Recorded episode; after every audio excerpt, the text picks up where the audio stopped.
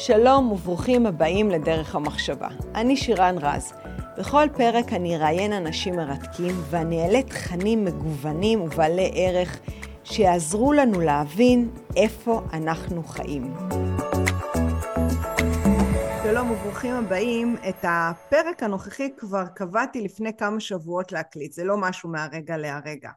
הנושא שבחרנו היה ראשוניות הרוע, הרוע כשאלה קיומית. אממה, ממש לפני שניגשתי לסדר פה את העניין הטכני, אה, העלו, ב, העלו ב, ב, ב, ברשתות תמונות של החטופות שלנו, של השבויות, שמה שעשו להם בעזה. עכשיו, כשאני ראיתי את התמונות של הילדות החמודות האלה, המתוקות, מבתים טובים, שכל אחת יכלה להיות הבת שלנו, האחות שלנו, בזוועות שהן עוברות פשוט התפחלצתי, הרגשתי שאני כועסת ואני זועמת ובא לי לצעוק, כאילו איך יכול להיות שהרוע הזה קיים, איך מישהו יכול לפגוע בהן?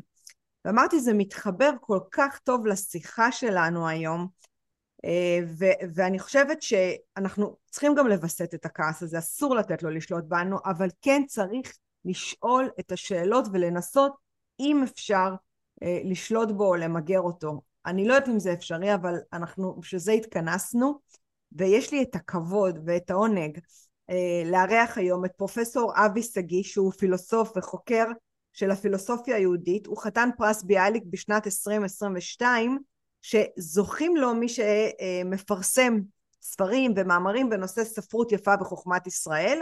פרופסור שגיא כתב וערך למעלה מ-40 ספרים וערך וכתב מאות מאמרים. אז פרופסור אבי שגיא, תודה שהסכמת להגיע היום. שמח להיות כאן איתך. מה שלומך?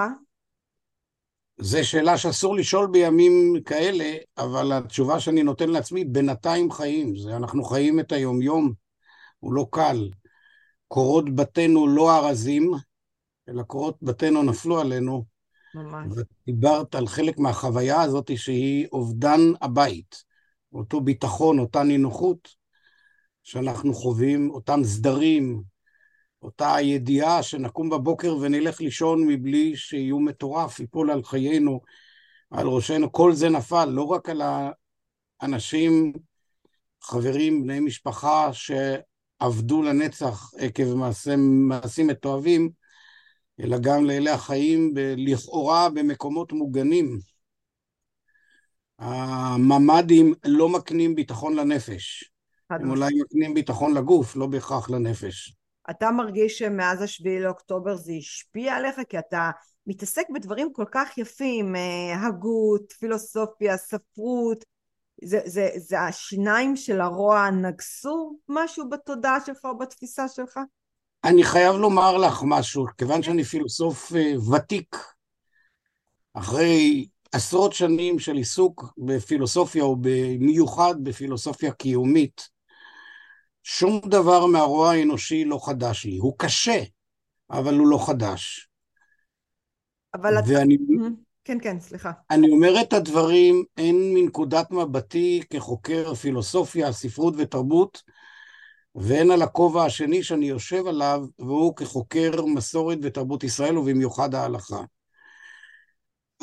ההיכרות עם הרוע האנושי מוטבעת עמוק בקיום מהעידן המיתי ועד ימינו אנו. אנחנו לפעמים מנסינו, המין האנושי, בעיקר המערבי, ניסה לספר לעצמו סיפורים שאולי תרצי לשמוע עליהם. אני בוודאי ארצה לשמוע. לסתור, לא להכיר בקיומו של הרוע. אבל אפילו האדם שלא מתאמץ הרבה לעקוב אחר המיתולוגיות העתיקות, שבהם אילי הרוע הם עצמאים, הם לא מותנים בטוב, הם לא כפופים לטוב. אפילו אדם שלא מכיר את ההיסטוריה העתיקה הזאת, מספיק שנחשפים בפניו כמה פסוקים מקראיים. כשאלוהים עוצר את המבול ומתחייב לא להביא עוד מבול, הניסוח המקראי הוא, הוא מצמרר שיער, אנחנו לא נותנים את הדעת עליו, הנימוק שהאל נותן כי יצר לב האדם רע מנעוריו. איזה מנימוק זה? מסתבר שהמספר המקראי בעצם מספר לנו את סיפור המאבק ברוע. שני סיפורים נגדיים, ואני אומר כאן זה אדם שהוא לא, לא מתאמץ הרבה, הוא פותח את התנ"ך. Mm-hmm. הסיפור של קין, הרוצח את אחיו, שאל אומר לו לפתח, חטאת רובץ ולך תשוקתו ואתה תמשול בה, ואתה תמשול בו, סליחה, זאת אומרת, מספר המקראי בתחילת הדרך מבטא אופטימיות של יכולת האדם לשלוט ברוע, אתה תמשול בו. ואילו לאחר שהאדם חוטא בחמאס, כמה זה מדהים הקרבה של השם חמאס, של הטרוריסטים, לחמאס כגזל ורוע.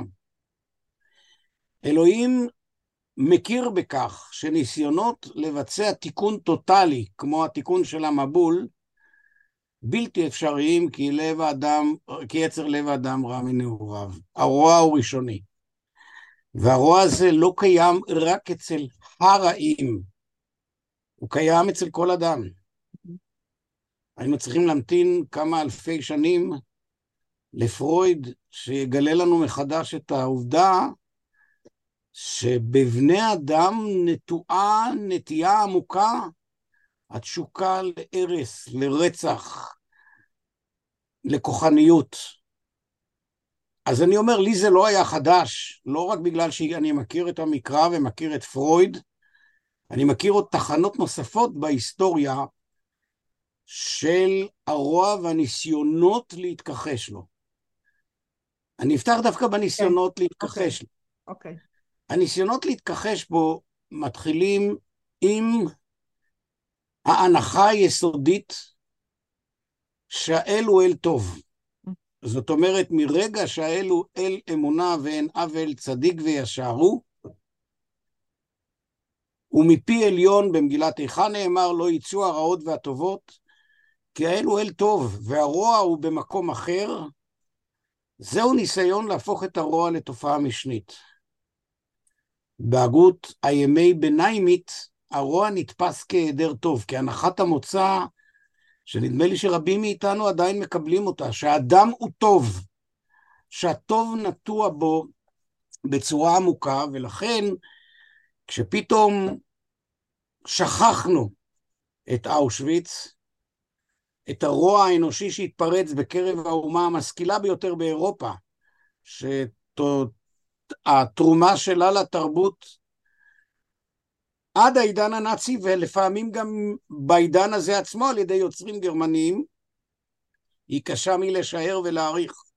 תרומה עצומה ספרותית, ובלב התרומה הזאת, בלב התרבות, יוצר רוע שלא ניתן לתיאור. אנחנו שכחנו את זה. אנחנו לא רק שכחנו את זה, אנחנו גם משכיחים את זה, ואנחנו הופכים את הנאצים ללא בני אדם, למשהו אחר, כי יש בנו כמיהה עמוקה להבטיח את הקיום שלנו על ידי הנחת הטוב. אז קודם הטוב מיוחס לאל, ואחר כך הוא מיוחס לבני אדם, והרוע הופך להיות שאלה. אבי, איך... שאתה, ש... התפיסה הזו שאתה מציג היא תפיסה שהיא מאופיינת אצל יהודים או בכלל אצל בני אדם שאנחנו נולדנו אנשים טובים והרוע הוא איזושהי תופעה משנית אוקיי, השאלה שלך היא מצוינת. אז כשאת מדברת, אה, בעולם, צריך לדבר על העולם המערבי, אני מודה, אני לא מומחה לתרבויות לא מערביות, אני קורא מש... לעוט אחרי התרבות ההודית, היפנית והסינית, אבל אני לא מומחה כדי להתבטא מספיק עליהן. מתי הייתה לאדם תשוקה לטוב? תשוקה שלא להכיר לרוע. תשובה מהיות האדם עלי אדמות. כי תזכרי, לחיות בתוך רוע זה לחיות בתוך שרירותיות. מה זה רוע? רוע זה ביצוע מעשים שאין להם שום צידוק, שהם גילום של כוח, של אלימות. מי יכול לחיות בזה?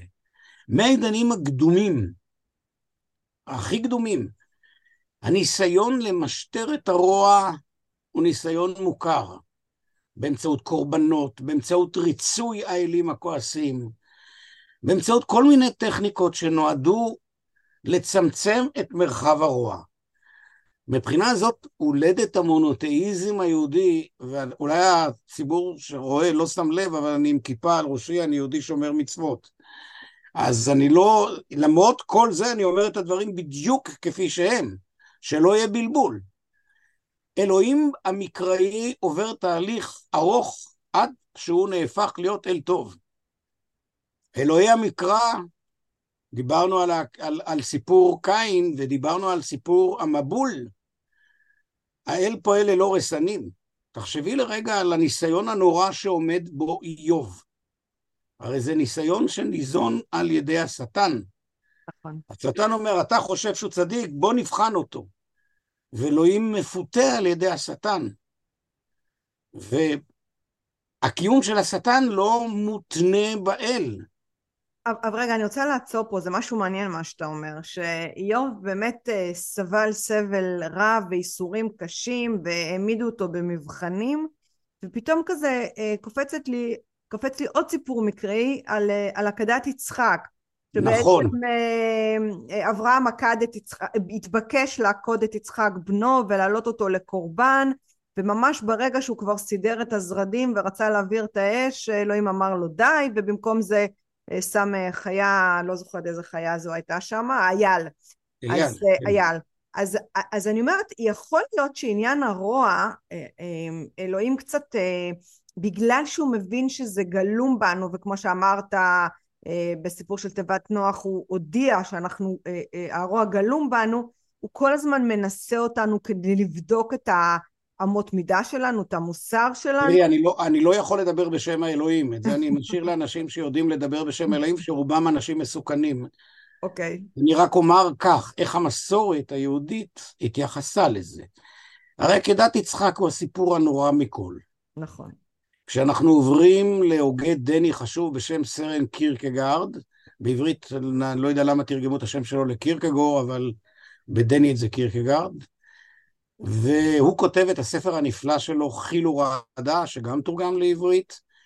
הניסיון של יצחק הוא ניסיון ב... בין שני הכתבים, בין האתיקה שאוסרת להרוג לבין צו האל. עכשיו, במסורת היהודית, ההוגה היחידי שמדבר בקטגוריות כאלה זה ישעיהו ליבוביץ', ש... הכרתי אותו אישית, לא הייתי תלמיד שלו למרות שבכל מיני אתרים כתוב שהייתי תלמיד שלו, הייתי בר פלוגתא מנעוריי קשה שלו. עבורו עקדת יצחק הוא באמת העימות על ציות לאל מול חובה מוסרית. המסורת הרבנית היהודית לא קיבלה את זה. היא לא קיבלה את זה, ואם אפשר לנסח ולהכיר בכך שבמדרשים היהודיים ישנה ביקורת כבדה על מעשה עקדה, שבגינו האל הופך להיות נתבע. כל יהודי שמתפלל תפילת שחרית יודע את זה, כשם שכבש אברהם אבינו את רחמיו, כן יכבשו רחמיך. זה טקסט מהתלמוד הירושלמי, ועוד ביקורת כבדה שלאורך דורות עולה, והמסורת היהודית, כיוון שהיא באמת ברובה המכריע הכירה ברוע האנושי, אבל לא נתנה לו מספיק ביטוי. היא חשבה והניחה, אולי בתמימות, שאפשר למשטר את הרוע, אפשר להפוך את הרוע לטוב. רבי מאיר דורש, והנה וירא אלוהים את כל אשר עשה, והנה טוב מאוד, טוב מאוד זה יצר הרע. זאת אומרת, מה? איך יכול להיות שיצר הרע הוא טוב מאוד? הרי זה יצר לרוע. ממשיך ואומר שאלמלא יצר הרע לא נשא אדם אישה ולא נטע בתים, יש פה הכרה מאוד אירונית שאפשר לעשות סובלימציה לרוע. כי המסורת הרבנית היא מסורת שמבטאת אמון באדם. אצל הוגה בן זמננו, זאת אומרת לפני מאה שנה, כמו הרב קוק, עקדת יצחק הוא הניסיון ההירואי של האל לומר למאמין, תזכור, אסור שעבודת האל שלך תהיה ניגוד טוב, אסור שתסטה אותך מהמוסר, זה תהליך פדגוגי. לשחרר את האדם... תחזור על המשפט הזה, זה מדהים מה שאמרת עכשיו. תחזור רגע על המשפט הזה, אני רוצה להפנים אותו. הרעיון, הרב קוק שעומד מול הבעיה, mm-hmm. בגלל שלפי עמדתו המוסר הוא יסוד של קבע בקיום האנושי. Mm-hmm. אסור לה, לתורה, ליראת שמיים, לדחות נדבך מן המוסר. הוא קלט את הרעיונות האלה בישיבה שבה הוא למד, בוולוז'ין, מראש הישיבה המיתולוגי, הנציב, הרב ברלין, שבהקדמה שלו לפירושו לתורה, הוא שואל למה, למה הספר בראשית נקרא ספר הישר? זה הכינוי שלו ב, בספרות התנאית. ובין היתר אומר שם שהקדוש ברוך הוא שונא צדיקים כאלה שיראת השמיים גורמת להם לאבד את המוסר. עכשיו, אדם כזה, כשמגיע לפרשת העקדה, נקלע בבעיה, מה אלוהים עושה פה? ואז לתפיסתו, אלוהים פועל כאן כדי לשחרר את האדם מנורמה של עבודת האל באמצעות עקדה, הרג ורצח. זה ניסיון לחנך את האדם, לומר לו, יש לעבוד את אלוהים, אבל באופנים שהולמים את הטוב. היסטורית, אנחנו יודעים שגם העם היהודי נכשל בזה. המקרא מעיד על כך. איזה טוב יש מהריגת ילדי העמלקים. איזה טוב יש בזה. שאול לא, לא מפסיד את ממלכתו כי הוא, כי הוא לא הרג את הילדים הקטנים. אגב, חז"ל יהיו רגישים לשאלה הזאת. אני לא אכנס כאן לדיון, אבל כן. הרעיון המרכזי הוא שבהדרגה, גם במסורת היהודית ובעקבותיה במסורת הנוצרית, מושג הטוב הופך להיות מושג ראשוני שמעלים את הרוע שבאדם. עד כדי כך הוא מעלים שבמקום שישנו רוע, עולה השאלה למה האל עשה זאת. ירמיהו אומר, צדיק אתה השם כי יריב אותך, אך משפטים אדבר אותך. מדוע דרך רשעים צלחה? מה שקרוי התאודיציה, צידוק האל, הוא הרעיון שהאל לא עושה עוול. העולם הוא טוב ובני אדם טובים, ואז השאלה היא למה יש רע. אבל השאלה למה יש רע, שהופכת את הרע למשני, היא מוצר תרבותי. כי בתשתית המיתית, ולא רק המיתית, גם של המסורת היהודית, האדם הוא פועל רע. בחלק מהדתות הנוצריות, כמו הפרוטסטנטיות, זה יסוד יסודי עמוק. האדם הוא יצור חוטא. הוא נושא לא רק את הצלקת של החטא הקדמון, זה מה שהוא. והוא עלול להוביל רע. וכשמקבלים את העמדה הזאת, הם מבינים את הקביעה העמוקה של עמנואל קאנט, שאומר, באדם יש רע שורשי, לא רק בחמאס, לא רק בנאצים, בכל אדם ואדם. והתמיהה הגדולה איך מהעץ העקום הזה, זה הביטוי של קאנט, יוצא פרי טוב. והוא דוחה את הטענה שהפרי הטוב יוצא בגלל החינוך ההיסטורי, אמונה שהאמינו רציונליסטים שקדמו לו, שהחינוך יקדם. הוא אומר, אם יש משהו שההיסטוריה מלמדת אותנו, שהרוע שליט בעולם. זה מעניין, כותב את זה קאנט, 200 שנה ויותר לפני עליית הנאציזם, ועוד יותר לפני האירועים שאנחנו חווינו כאן עכשיו. הוא זיהה את העובדה שיש רוע אנושי יסודי שהוא לא משני לטוב. כן, אבל הוא חי בתקופה שלפניו היו מאורעות אה, קשים אה, ואכזריים. איזה מאורעות? או לפני 200 שנה, היה לנו 400 שנה אחורה, רק על העם היהודי הייתה האינקוויזיציה הספרדית. אבל את מסתכלת על העם היהודי, הוא לא היה יהודי, הוא היה גרמני. כן, לא, אני... רוסי. שהוא הבין מנקודת התצפית שלו, הוא אגב בן זמנו של ההוגה היהודי מנדלסון, שהוא הבין היטב שבני אדם הם יצורים שהרוע טבוע בהם, מה שפרויד לימים הפך ליסוד עקרוני בסטרוקטורה של האני, היא מוטבעת באדם. תראי כמה היום בשיחה היומיומית שלנו אנחנו לא מוכנים להכיר בכך. אנחנו מכנים את בני אדם תת-אדם, בהמות, כל מיני דברים כדי לא לומר לעצמנו את האמירה הבנאלית. הוא בן הרוע... אדם. מה זה? הוא בן אדם. יש בו רוב, הוא בן אדם.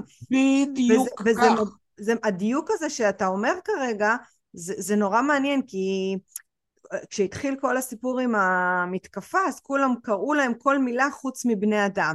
ואז נכון. אמרתי לעצמי, מה שמזעזע בכל הסיפור שהם בני אדם. כי בפסיכולוגיה קוראים לזה, לתופעה הזאת, העתקה. אנחנו מעתיקים את הרוע, הוא מאיים על קיומנו, אז אנחנו משחררים אותו על מישהו, ומוציאים אותו מהמין האנושי, אבל זה בן אדם. הפיזיס שלו, הגוף שלו הוא גוף אנושי.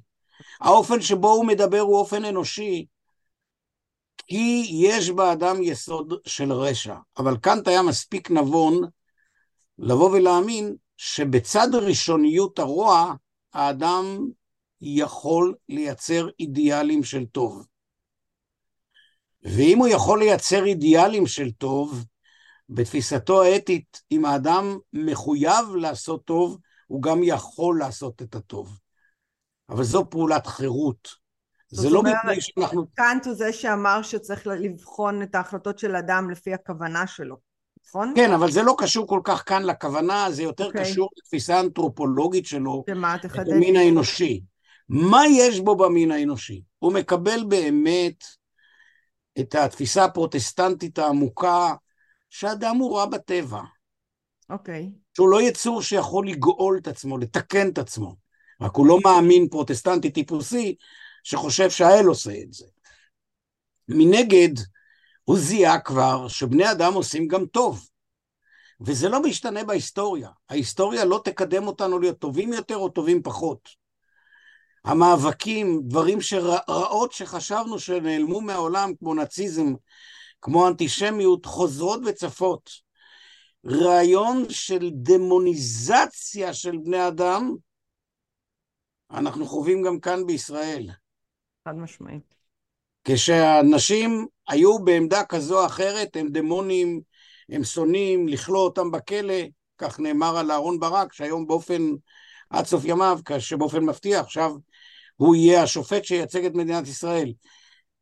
רוע לא נעלם, רוע קיים. הרוע הוא הלך התשוקתו. הוא מחייב מאבק מתמיד. והמחשבה שאם יש רעות, זה מגיע לנו היא נוראית. מעבר להיותי חוקר הלכה ודברים אחרים, ביליתי את רוב חיי הבוגרים בתוך העולם החרדי. אני עדיין אוהב מאוד את העולם הזה, זה הרבה פעמים אני מעדיף את הבית הכנסת החרדי על הבית כנסת שבו אני מתפלל. בעולם הזה אני למדתי מחברי הזכור לטוב מרדכי פרידמן שהיה אה, סוציולוג מצוין, מנחם פרידמן, סליחה, שהיה סוציולוג מצוין וחוקר תרבות חרדית, לצלם פמפלטים. כשאדם מגיע לבני ברק הוא רואה שהעיר מכוסה במודעות. כשהגיעה הקורונה, גם כן מגפה שהיא לא מעשה ידי רוע אנושי, היו מודעות של רבנים שהודיעו שזה בגלל שנשים לא הלכו בכיסוי ראש. טוב, זה מזעזע, זה... אבל הזעזוע הזה נובע מההכרה שאין רע בעולם. בלשון רבותינו, כל מה דאביד רחמנא לטב אביד. כל מה שעושים, מה שעושה האל, הוא עושה לטוב. כן. איזה טוב יש בזה שנשים, אה, אה, שלא כיסוי ראש, הבה נניח שזו עבירה נורא חמורה, אגב, מבחינה הלכתית, זה לא איסור כזה דרמטי, אם זה בכלל איסור. אבל איזה, איזה מחשבה נוראית, בלתי מוסרית יש, שבגין זה זקנים, נשים, גברים, גם שומרי מצוות צריכים להיהרג. זה כאילו, הדמון שולט בעולם, פתחת לו את הדלת. בד... מה שמבוטא כאן זה לא התורה הקלאסית של האל הטוב, אלא שהאל הטוב פינה את הדלת ליסוד האלים שבקיום הדמוני. אני אומר לך שוב, בתחילת המלחמה, אולי ביום הרביעי, אני גר בפתח תקווה, עברתי באיזה רמזור ומישהו חרדי דופק על חלון המכונית, אם אני מכיר רחוב מסוים, אמרתי לו, כן, זה לא רחוק ממני, אני אקח אותך. ואז הוא אומר לי, אתה יודע שהמלחמה הזאת מגיעה לנו בגלל המחלוקת שנפחה בינינו. ואני אומר לו, אתה, מבין מה שאתה אומר על אלוהים? יש לאלוהים את הכוח להביא עלינו אסון כזה נוראי. אין לו את הכוח למנוע את חילוקי הדעות. איזה מין מחשבה זה להמיר את הרוע בטוב אלוהי. אבל זה חלק מהמסורת שבני אדם קיבלו על עצמם שהמחיר שלו במונחים פסיכולוגיים אובדן בוחן מציאות. יש רוע. הרוע הוא לא תופעה משנית. אובדן אה, בחינת המציאות אה, יכולה להיות לא רק לאנשים אה, חרדים שנותנים את, ה, את, את כוחם והחלטתם לאלוהים. אני חושבת שזה בדיוק העניין, שאני חושבת שגם בקהילה החרדית, בתוכם לא אלה שלומדים תורה טכנית אני קוראת לזה, אלא לומדים תורה באמת ברמת ההתעלות הרוח והחיבור ליראת שמיים מחיבור יותר אה, מוסרי, ערכי, אה, נפשי. אה, אז אני אומרת, כאילו יש, יש תמיד נטייה קצת, ואני לא רוצה שאנחנו נחטא בזה, להאשים את החרדים כ, כ, הם אלה שמייצגים את, ה, את, ה, את, ה, את הדת היהודית. הבנת מה אני... אני אומר לך בצורה יותר רדיקלית את דברייך. אני הצהרתי מראש על אהבתי לעולם החרדי. כן, לא, אני לא אומרת את זה באצבע מאשימה. זה לא, הנקודה הקריטית היא, אין בשבילי חרדי, דתי או חילוני, זה אוקיי. תיאורים קיצוניים. אוקיי. במקרה פגש אותי אדם שהוא חרדי באורחות חייו האישיים. לכן הוא דיבר בקטגוריות הללו. בדיוק. אין פה כתב האשמה לתרבות, לחברה. אני האחרון שהשתמש בתיוגים. אין, את, את צודקת ברגישות שלך, אבל כן. זה בוודאי שהטענה שלי היא טענה לגופו של האיש. Mm-hmm. מה שקרוי ארגומנטום הדומינום, לא טענה כללית. כן. אבל הטענה, הטענה היסודית שמושפעת כאן זה חוסר רצון להכיר ברוע. עכשיו, ישנם שני סוגי רעות. אוקיי. בעבר הם היו מחוברים יחד. רעות אוקיי. טבעיות, רעידות אדמה, כל מיני טורנדו, ציקלון, כל מיני דברים שמאיימים ונהרסים, בני אדם נהרגים. כן. כן. זה רוע טבעי. כן. יש רוע אנושי. בעבר הרוע הטבעי נתפס כחלק מפעילות האל. שלמה כשהוא בונה את בית המקדש אומר אם יהיה מגפה, דבר, יבואו בני אדם להתפלל ואתה תסלח להם. רוב בני האדם המודרניים חיים היום בעולם שכפי שמקס ובר כינה אותו, שפג קסמו של העולם. העולם הוא לא טוב ולא רע, הוא פועל על פי סט חוקיות שהמדע מתאר אותה, הוא ניטרלי. ניטרליות של העולם לא הובילה לניטרליות של המין האנושי, כי כעת השאלה הפכה להיות דרמטית. מה אתה אומר על המין האנושי? מה אנחנו אומרים עליו? ובמין האנושי אני טוען בתוקף שישנו מאבק בין שתי תפיסות עולם. בין תפיסת עולם שמוכנה להכיר רק בטוב ודוחה את ראשוניות הרוע, ולכן לנוכח הרוע היא מספקת הסברים. תחשבי על העובדה שאת אושוויץ חלק מהמאמינים, לא כולם, אני מדבר על התיעוד הספרותי, הצדיקו באמצעות שלוש קטגוריות. אחת, הסיבתית. אושוויץ הוא תוצאה של חטא. מהו החטא? נדון עליו, אבל זה הסטרוקטורה. לחשוב ששישה מיליון יהודים נרצחו בגלל חטא, מה זה אומר על אלוהים? מה זה אומר על תופעה כזאת? תפיסה אחרת אומרת, אושוויץ הייתה הכרחית בגלל סיבה תכליתית. בבית מדרשו של הרב קוק הבן, אושוויץ הייתה הקדמה הכרחית למדינת ישראל. ואני שואל את עצמי, כאדם שומר מצוות, ריבונו של עולם, זה הדרך היחידה שהאל יכול לפעול בהיסטוריה, להרוג שישה מיליון בני אדם כדי להקים את מדינת ישראל, שתלך מדינת ישראל לכל הרוחות. היא תכלית כזו קדושה שבגינה שישה מיליון צריכים לרצח? מה זה אומר על הנאצים? שהם שליחיו של האל, כשמקבלים את האי ההכרה ביסוד של הרוע, עושים שלוש טעויות לפי, הכרחיות. האחת, טעות עובדתית. יש רעות. אם אני לא יכול לזהות שהמעשים הם רעים, אז זה נורא ואיום, כי אנחנו יודעים מהו רע. אנחנו לא צריכים תיאוריה של הרוע. אנחנו יכולים, אנחנו לפעמים צריכים תיאוריות של מה זה טוב, mm-hmm.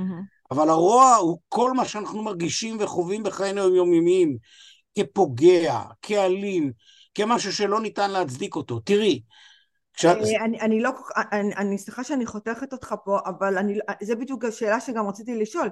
האם הרוע יכול להיות סובייקטיבי? כי כשאני אתן לך דוגמה, כש, שוב פעם אני חוזרת לטבח כי זו הדוגמה הכי קרובה לרוע המוחלט, שאחד החמאסניקים רצח בידיו אה, ישראלים והוא התקשר ב...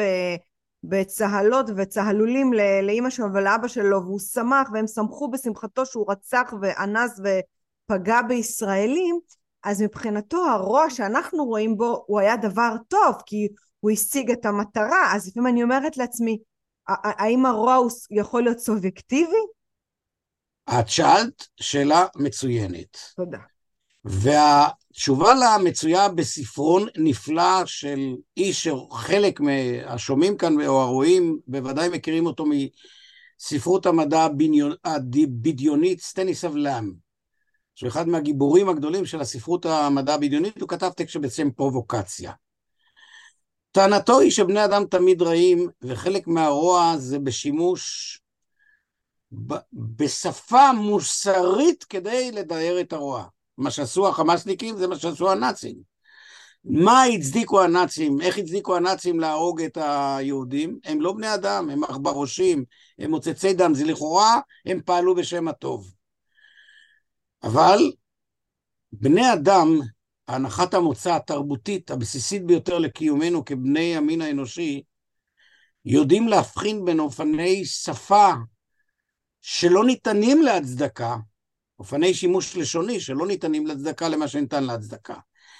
לא יכול להיות שאדם מוסלמי, אני מכיר היטב את הקוראן ואת המסורת המוסלמית, יאמר שרצח של ילדים, של נשים, של מבוגרים, הוא טוב. הוא טוב מוסרית. אם הוא אומר את זה, אז לא רק הוא שוגה מבחינת הדת המוסלמית, הוא שוגה שגיאה נוראית, וזה השגיאה שישנן נורמות מוסריות שהן קונבנציונליות, אנחנו כולנו מכירים בהן. אין מצ... גם הנאצים אגב מכיר בזה. הנאצים מבין שאסור לרצוח, לכן כדי להתיר את הרצח הוא הפך את היהודים ללא, יהוד... ללא בני אדם. זאת אומרת, כל השאלות, הוויכוחים על מה מוסרי ולא מוסרי טובים באמת בקורס מבוא לאתיקה באוניברסיטה. ואני מניח, מה זה מניח? אני חלק מלימודי הפילוסופיה בארץ, שבמבוא לאתיקה כל קורס טוב נותן את הדיון הזה. אבל את ואני, ואני אומר, הסבתא שלי והוריי זיכרונם לברכה, ידעו תמיד לומר מה זה רע ומה זה טוב. אנחנו חיים בעולם שבו התודעה הזאת היא ברורה. והתודעה הברורה הזאת מתמוטטת מפני שלאדם יש יסוד של רשע שהוא כל כך עמוק, שהוא יודע גם להסביר את הרשע במושגים שלקוחים משפת הטוב. זה סטניס אבלם. וזה מאבק קשה, את צודקת, המאבק הוא קשה שבעתיים. זה לא רק מאבק ברוע, אלא בשפת הרוע, כי שפת הרוע מתחפשת להיות שפת הטוב. אבל זה בני אדם. זה בני אדם, אני, זה, זה, זה מאוד חשוב להגיד את זה, כי מי שמבצע את זה זה לא כלבים וזה לא חתולים וזה לא הטלפים וזה לא הציצים וזה לא תפוזים זה בני אדם. ובגלל זה אני חושבת שזה מרעיד את כל אמות הסיפים הפנימיים אה, שלנו. אה, ואני חושבת שאני קטעתי אותך כשאתה הסברת שזה אה, מחולק לשלוש קטגוריות אחת טעות עובדתית ו... כן, הטעות הראשונה זה טעות עובדתית. כן. אובדן בוחן מה זה נכון ומה זה לא נכון הטעות השנייה של אדם שלא מזהה את הרע, אם הוא בא מתוך הקשר דתי, זו טעות תיאולוגית. אלוהי שלוש הדתות איננו פועל אבן. זה לא רק יסוד עמוק במסורת היהודית, אלא גם במסורת המוסלמית שהיא קרובה מאין כמוה למסורת היהודית. אלוהי הדתות איננו פועל אוון. אז יש פה בעיה אחת עובדתית, זה רצח הוא רצח, בעיה מוסרית ובעיה תיאולוגית דתית. Mm-hmm. ומי שלא מבין את הדברים הללו, הוא בעצם יצור שהדרך היחידה לאפיין אותו כאדם שהוא מסוכן, הוא בן המין האנושי, הוא כמונו. ואותי, אני אומר לך, לא כל כך מטריד אותנו מאוד החמאס, אבל בתוך עולמי הפנימי, החמאס הוא עם, חל, עם חלאות. מטריד אותי החברה, התרבות שלנו, שלא מוכנה להודות בקיומו של רוע גם פנימי שלנו. ואני חוזרת למה שאני אמרתי קודם, שזה יכול להיות סובייקטיבי. אני לא אכנס פה לדיון שעלול להישמע פוליטי, אבל זה בדיוק הבעיה שהרוע אה, אה, הזה שאנחנו מדברים עליו, המחשבות לא סובייקטיבי. שירן, הרוע הזה איננו סובייקטיבי. את מה... אז בוא נדייק את זה, בוא נדייק את זה. אוקיי. אני, אולי תרחיב רגע למה התכוונת, כי זה חשוב. לי זה חשוב, כי הפודקאסט שלי, המטרה שלו בסופו של דבר הוא לייצר שיח, אה, להעלות את, ה, את הרף האינטלקטואלי, שיותר אנשים ילמדו, ישכילו, אה, ידברו ביניהם, יעלו שאלות, נביא פתרונות, ומה שלא נביא לפחות נציף. ו, ויכול להיות שלא הבנתי אותך נכון, אבל הייתה לי מין תחושה, ותתקן אותי אם אני טועה, שבתוך, שאתה מודאג ממה שקורה בחברה הישראלית, שאנשים לא יודעים איפה הגבול המוסרי או איפה הגבול הטוב. זה הבנתי נכון או שטעיתי בהבחנה? אני, לא, קודם כל אני מודאג כן. מהמין האנושי, וכיוון שאני okay. אוקיי. מודאג מהמין האנושי, אני חושב שהדרך היחידה להתמודד עם זה, זה מאבק מתמיד ברוע. Mm-hmm. נעבור עוד מעט לשלב הזה. Okay. כן. לפתח אתיקה של רוע, לא אתיקה שבה הרוע טוב, אלא שבה המאבק ברוע הוא חיוני. אז זה נקודה ראשונה. Okay. אוקיי. נקודה שנייה, כשאני מתבונן פנימה, אני, את, כולנו חיים כאן בישראל בתוך חברה, בתוך חברה מסוימת, שחוותה מכה נוראית של רוע. וכשבני אדם חווים מכות של רוע, רוע ייתכן לעיתים קרובות שהמנגנון שהם מפתחים יהיה אי הכרה ברוע. תראי, כשקטטניק תיאר בכתיבתו המוקדמת את אושוויץ כפלנטה אחרת, הוא בעצם לא הכיר בכך שהרוע הוא מעשה ידי אדם. לימים הוא תיקן ביצירותיו המאוחרות את התפיסה הזאת. הרוע הוא מעשה ידי אדם, כי באדם יש יסוד של רוע, גם בנו. אין לאף אדם ביטחון מפני הרוע שמאיים עליו להשחית את תבנית פניו. ההבנה העמוקה הזאת, אני רוצה לתווך אותה דרך מדרש נפלא, או לפ... נתחיל ב... לפני מדרש מספרות הלכה. אחד מגדולי חכמי ישראל בכל הדורות, הרב שלמה לוריה, הידוע בכינויו מהרש"ל, מציג בפירושו לתלמוד למסכת בבא קמא את השאלה הבאה. כן. למה יש לי חובה, למה ליהודי יש חובה כלפי לא יהודי? הרי התורה ניתנה רק לעם ישראל. ומציג תשובה מפולפלת עמוקה על פני דפים ארוכים בחיבורו ים של שלמה, שזה לא מענייננו כאן. פחות ממאה שנה אחריו, שוב אחד מגדולי חכמי ישראל, הרב צבי הירש, החכם צבי, בתשובה שלו אומר, אני משתומם על המהרש"ל על שאלתו. והוא אומר, החובה להתנהג בהגינות כלפי הלא יהודי היא מפני שאם אתה מתנהג לא בהגינות, הנפש שלך מתקלקלת. הוא מהדהד כאן בעומק מדרש עתיק שמכונה תנת ואליהו, כל הגונב מגוי סופו גונב לישראל, כל הרוצח לגוי סופו רוצח לישראל. אי אפשר לשחק עם, עם תכונות הנפש שלנו. זה קצת מזכיר לי את ליבוביץ' ישעיהו, שהוא אמר את זה. לא, ליבוביץ' לא אמר את זה, כי ליבוביץ', אה, העולם שלו היה חתוך משוסע בין המחויבות הדתית שאין לה שום עניין מוסרי והיא מנוגדת למוסר לבין המוסר. כן. הוא לא העריך את המוסר כמו שצריך, זה אחד הפגמים העמוקים שלו, הן מהבנת המסורת היהודית והן מה, מהבנת מקומה של המוסריות בחיי אדם. Okay. אוקיי. אז נפתר בכך. מוסריות היא הכרחית בשתי רמות.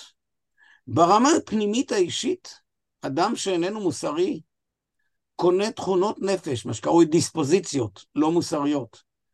והוא איננו אדון יותר, אדם שפועל מתוך נקם, פותח שני קברים למי שהוא נוקם בו, אבל גם לעצמו. ויש על זה מחקרים אמפיריים, זה לא צריך להרחיק לכת. ברור. יש לנו תיעוד לכך, ואני לא רוצה להרחיק לכת, גם לזה ולהיכנס לפרטים. אי אפשר לשלוט על פרץ הרוע שמתפרץ מהאדם, ולהגיד, רגע, רגע, סטופ, כאן אני לא אעשה את זה. אבל זה אם אנחנו מקבלים את ההנחה שאתיקה תפקידה הוא טיפוח מידות טובות. אבל האתיקה הזאת קרויה אתיקה של ערכים. אתיקה של ערכים, או בשפה המקובלת, אתיקה אקסיולוגית. Mm-hmm. אבל ישנה אתיקה אחרת, אתיקה של נורמות מוסריות, שמתבטאת בנורמות, בצווים, שמתמקדת ביחס אל האדם האחר. אז הרב הירש, החכם צבי, נתן תשובה מנקודת המבט של אתיקה של מידות טובות. מה זה עושה לך פנימה?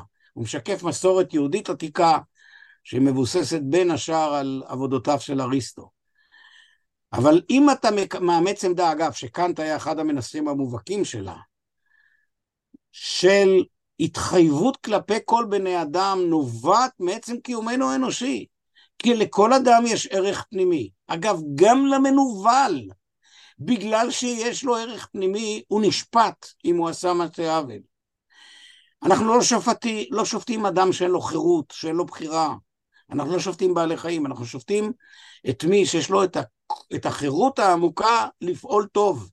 ואנחנו מאמינים באחריות של בני אדם בגלל חירותם לבחור בטוב. אנחנו לא מקבלים את היסוד של חירות שהיא מנותקת מאחריות. ולכן אנחנו שופטים וצריכים לשפוט את מבצעי הפשעים של החמאס. כי המין האנושי הוא כולו מין משותף. ג'ון דן, המשורר האנגלי הדגול, כותב ב... במדיטציה 17 שלו, אל תשאל למי צלצלו הפעמונים, הם צלצלו לך. כי כל בני אדם, כי האדם איננו אי מנותק, הוא לעולם חלק מיבשת. זו היסוד העמוק של הקיום האנושי. אין קיום אנושי נבדל, סגור, בלוע בתוך עצמו. כולנו רשת של מציאות אנושית אחת. הלו, איש אחד אנחנו, אל אחד בראנו, אומר הנביא. בני אדם כולם הם חטיבה אנושית אחת, ומכאן החובה של האחריות. התפיסה הזאת שמוסר הוא יחסי, היא תפיסה שאני לא רוצה להיכנס לפרטיה, היא לא ניתנת להגנה. יש מחלוקות מוסריות, ויהיו, אבל צריך להבחין נתיבם. אני רוצה להדגים את זה באמצעות משהו ניטרלי. יש מחלוקת כבדה על השאלה של המתות חסד. הדתיים יאמרו, לא כולם ולא על פי ההלכה, אבל תיאורטית, שהמתת חסד אסורה, וציבור ליברלי יאמר שהם מותרים. אלה צועקים כלפי אלה, אתה רוצח, כי אתה הורג, ואחרים צועקים, אתה לא מבין כלום. אנחנו מכירים את השיח של החרשים. אבל מעבר למחלוקת, בואי נראה במה הם חולקים. האם מישהו מהם מתיר רצח? התשובה היא לא. השאלה כעת, לא, המחלוקת היא לא מה שקרוי ההנחה הראשונית, היינו העיקרון המוסרי. אגב, גם הנאצים עשו רצח, לא היה להם מחלוקת על העיקרון המוסרי, כאילו שיש להם עמדה. מתי מתחילה המחלוקת להיות על עובדות? אז במתת חסד, המחלוקת בין האוסרים למתירים, זה שהאוסרים, נכון, אסור לרצוח, אבל חיי אדם לא שייכים לו, שייכים לאלוהים. לעומת זאת, המתירים אומרים, חיי אדם שייכים לאדם ואלו לא חיי אנוש. שום אדם לא היה רוצה לחיות כך. אז יהיו מחלוקות שלא נמצא להם פתרון, אבל זה לא אומר שהעקרונות המוסריים שלנו הם יחסיים. לא מצאנו תרבות אחת שהעיקרון שלה, במידה והוא עיקרון מוסרי, הוא יחסי.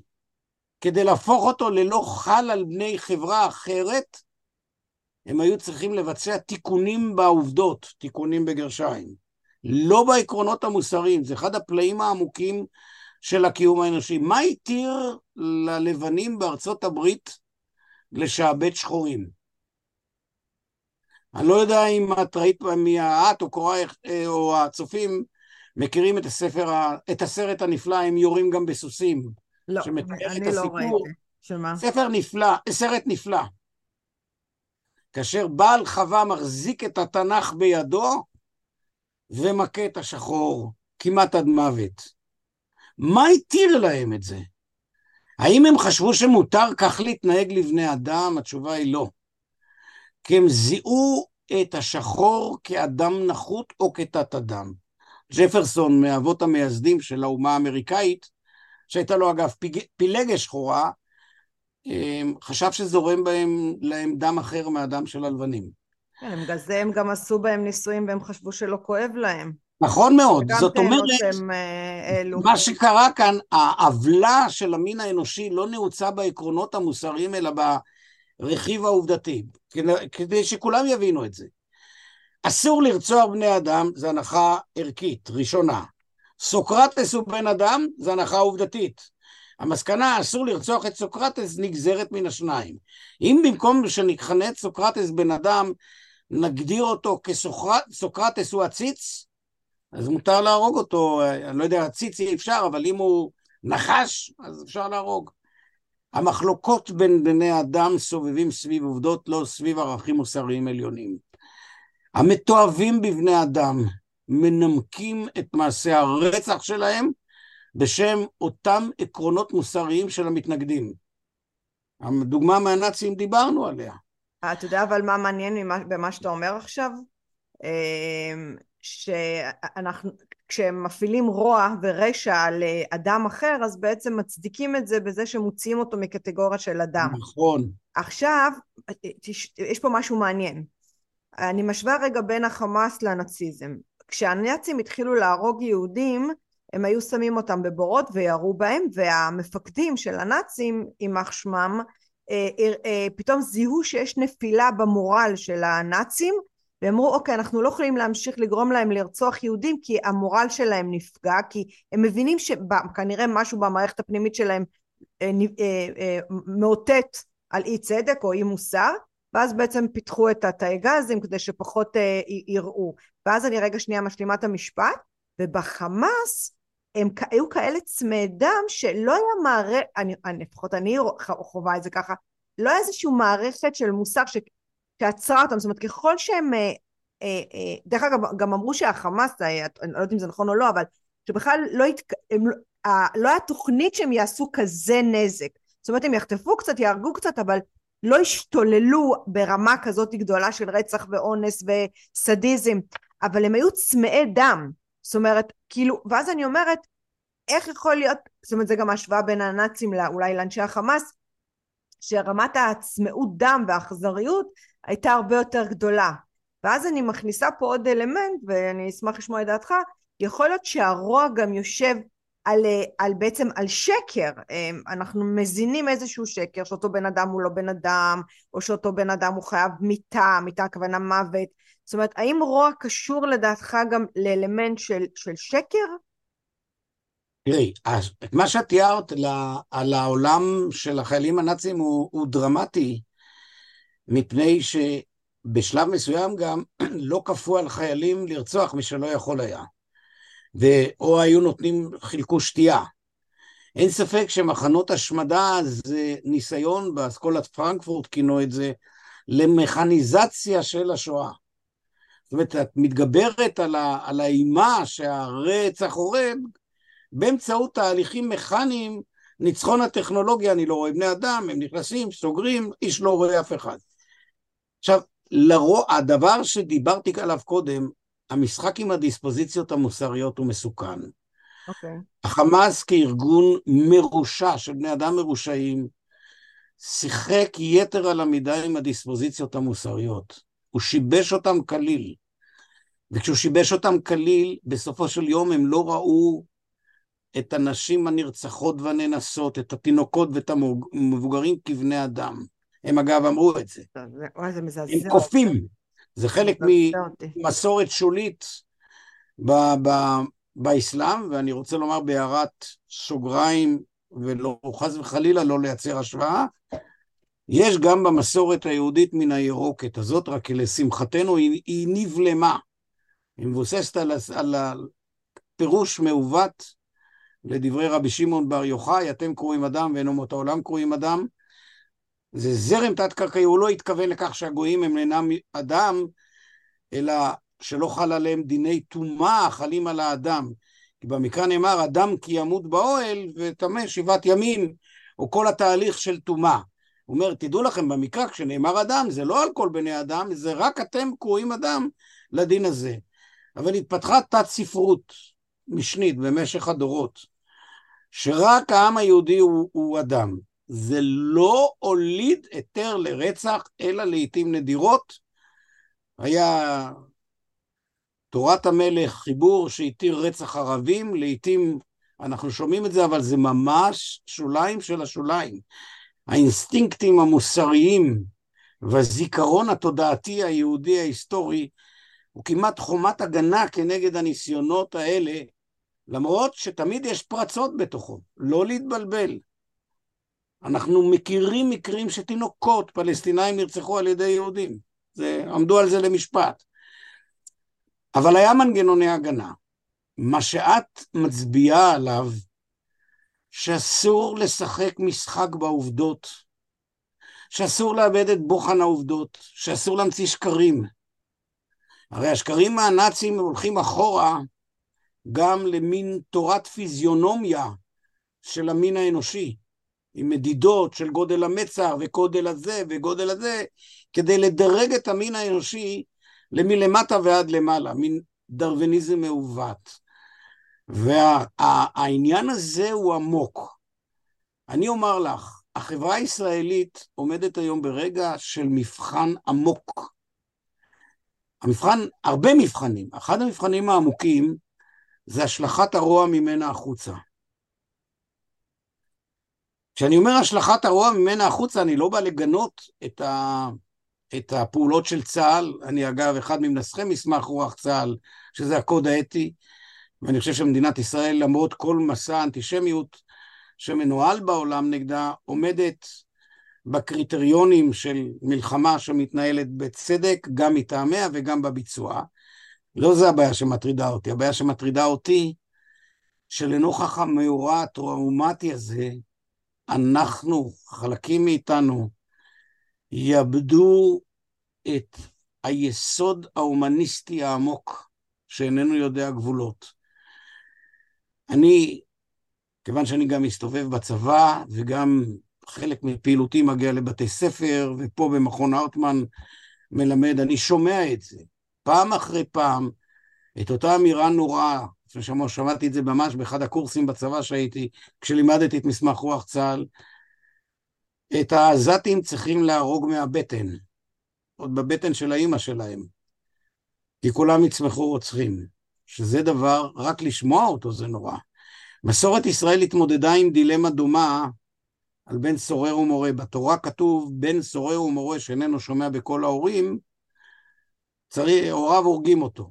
אבל אבי, אנחנו לא קצת לפעמים נסחפים, אני אגיד משהו שאולי קצת אה, לא, לא תתחבר אליו, אבל מרוב שאנחנו מנסים להיות מוסריים, אנחנו יורים לעצמנו כדור ברגל, כי אתה למשל נתת דוגמה על הילדים אה, העזתים שנרצחו, ואני כן חושבת שכל בן אדם אה, חף מפשע באשר הוא זה נורא ומזעזע. אבל כאילו לייצר סימטריה בין... לא, לא, לא, את צודקת. 아, אה, אתה, אני לא רוצה לייצר לא סימטריה. אוקיי. חס וחלילה, אוקיי. וההערה שלך אוקיי. היא חשובה מאין כמוה. כן, כן. חס... כשאמרתי שאני מודאג... סימטריה, כן. לא, ברור. כן. כשאמרתי שאני מודאג, אמרתי שזה הרגע שבו צריכים לייצר את אותה אתיקה, שכדאי שנדבר עליה, האתיקה של המאבק ברוע. לאתיקה הזאת יש הרבה ניסוחים, הניסוח העמוק ביותר שאני מכיר ושהקדשתי לניתוחו שנות חיים, מצוי אצל אלבר קאמי, אומרים בעברית? אומרים קאמי, אבל השמו, השם האמיתי שלו זה קאמו, בספרו הדבר. הדבר הוא סיפור של, הוא רומן שנכתב בעקבות מלחמת העולם השנייה, על העיר אורן שבאלג'יר, שיש לה גם איזה הקשר יהודי מאוד עמוק, שפורצת בה מגבת דבר. כמובן, הכל מטאפורה למלחמת העולם השנייה. כן. ושניים, יש כמה גיבורים מרכזיים, אני רוצה לדבר על שניים. אחד, על הכומר. דרך אגב, אבי, אין לי בעיה שתמשיך לדבר, רק תדע שחרגנו מהזמן, לי אין בעיה, אני יכולה להמשיך בשיחה כי זה מעניין. אם אתה לא צריך ללכת לאנשהו, אז אני אשמח. אני לא צריך ללכת, אני צריך, אם את חושבת שזה יעבור, אז אני אשמח. לא, לא, זה, לא, לא, אני רוצה שתסיים, זה חשוב לי. לסיים את זה. לא, לא, אוקיי. לסיים את ההסבר, אני רוצה לשמוע את ההסבר. אוקיי, אוקיי, אוקיי. אז רק אחר כך תערכי את זה, כן. תורידי את השיחה הפנימית בינינו. למה לא? זה נחמד להשאיר אותה. כן, או איך שאת רוצה, את יודעת מה, מה אני אתערב לך בעניינים שלך. בקיצור, שניים מתמודדים הם, הם שתי הדמויות המרכזיות. האב פנלו, האב הישועי, פנלו שהוא אומר, אלוהים כועס כי לא הגעתם לקתדרלה, הסבר סיבתי. כנגדו הדמות הגיבורה, אגב, הוא דמות שאנחנו יודעים היום לזהות אותה כרופא שפעל בצרפת. שוב, אני הקדשתי שנות חיים ועדיין מקדיש לחקר אלבר קאמו, ואני יודע היום לזהות את הרופא הזה. אמ, הרופא ריה. ריה נרתם למאבק הזה להציל את חיי החולים ללא סייג, ללא ביקורת. וכשהוא נשאל האם הוא קדוש, האם הוא פועל לגאולת האדם, הוא נותן תשובה מאוד חדה. כאן יש חולה ויש מחלה ובה צריך לטפל.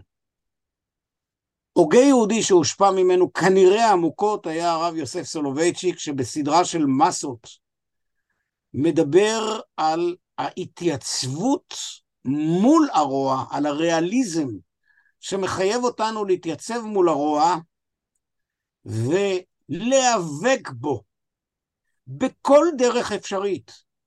לדעתו האישית, באחד המסות המבריקות שהיה לי הזכות למצוא אותה ולהביא אותה החוצה בכלל לעולם, על הלכה ובריאות הנפש, מבחין הרב סולובייצ'יק בין שני דגמים של מה שהוא מכנה הלכה. הלכה טופית והלכה תמטית. הלכה טופית זה הלכה מקומית, טופוס זה מקום. הלכה ריאלית מכירה בכך שיש רוע וצריך להיאבק ברוע. והמאבק ברוע הוא מאבק מתמיד. הלכה תמטית זה הלכה אידיאלית שמספרת סיפורים על עולם אידיאלי ועל טוב אלוהי ועל כל מיני דברים. הוא דחה את כל המסורת שלא תפסה את הרוע כמופע ריאלי שיש להיאבק בו. המאבק הזה הוא נצחי. המאבק הזה מחייב אותנו בכל רגע נתון להכיר שהרוע עלול להתפרץ. הדבר מסתיים בכך שעכשיו הדר, הדבר נרגע, אבל הוא עלול להתפרץ בכל רוע. הרוע מחייב כל אחד ואחד מאיתנו לפעול גם פנימה וגם החוצה.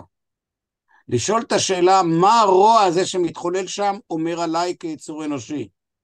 והוא אומר עליי אמירה פוטנציאלית, יש במין האנושי את האפשרות לעשות את הרע, כמו שקאנט תיאר האדם הוא יצור מרושע. הרוע מטיל עלינו אחריות. הרוע אחריות... מטיל עלינו אחריות חד משמעית. והאחריות הזאת היא לא רק לעצמנו, אלא גם למקום שבו מתחולל רוע, גם אם לעיתים רחוק מאיתנו. הרוע קשור באחריות אוניברסלית. האדם לא נאבק כמו פרומתאוס, מכוח עצמו לבד, לתקן את העולם, לכבוש, לעשות את מעשי האלוהים. האלוהים במסורת הוא יש שפועל על כל העולם, אבל האדם איננו יש שפועל בכל העולם, הוא יכול להמשיך ולפעול, ואני רוצה לומר, יש לנו דוגמאות היסטוריות של מאבק בדיוק כמו שאני מתאר אותו. אני, אם זמננו מתקצר, אנסה רק כן, אדגים את זה. בדיוק, בקצר. המאבק של דנמרק בשואה. ההתגייסות המוחלטת של החברה הדנית, לא של ראשי המדינה, של החברה, של אנשים פשוטים, ברטסלן, מגיבורי המאבק הדני, שספרו נקרא 1943, מספר את הסיפור. זה סירוב לרוע.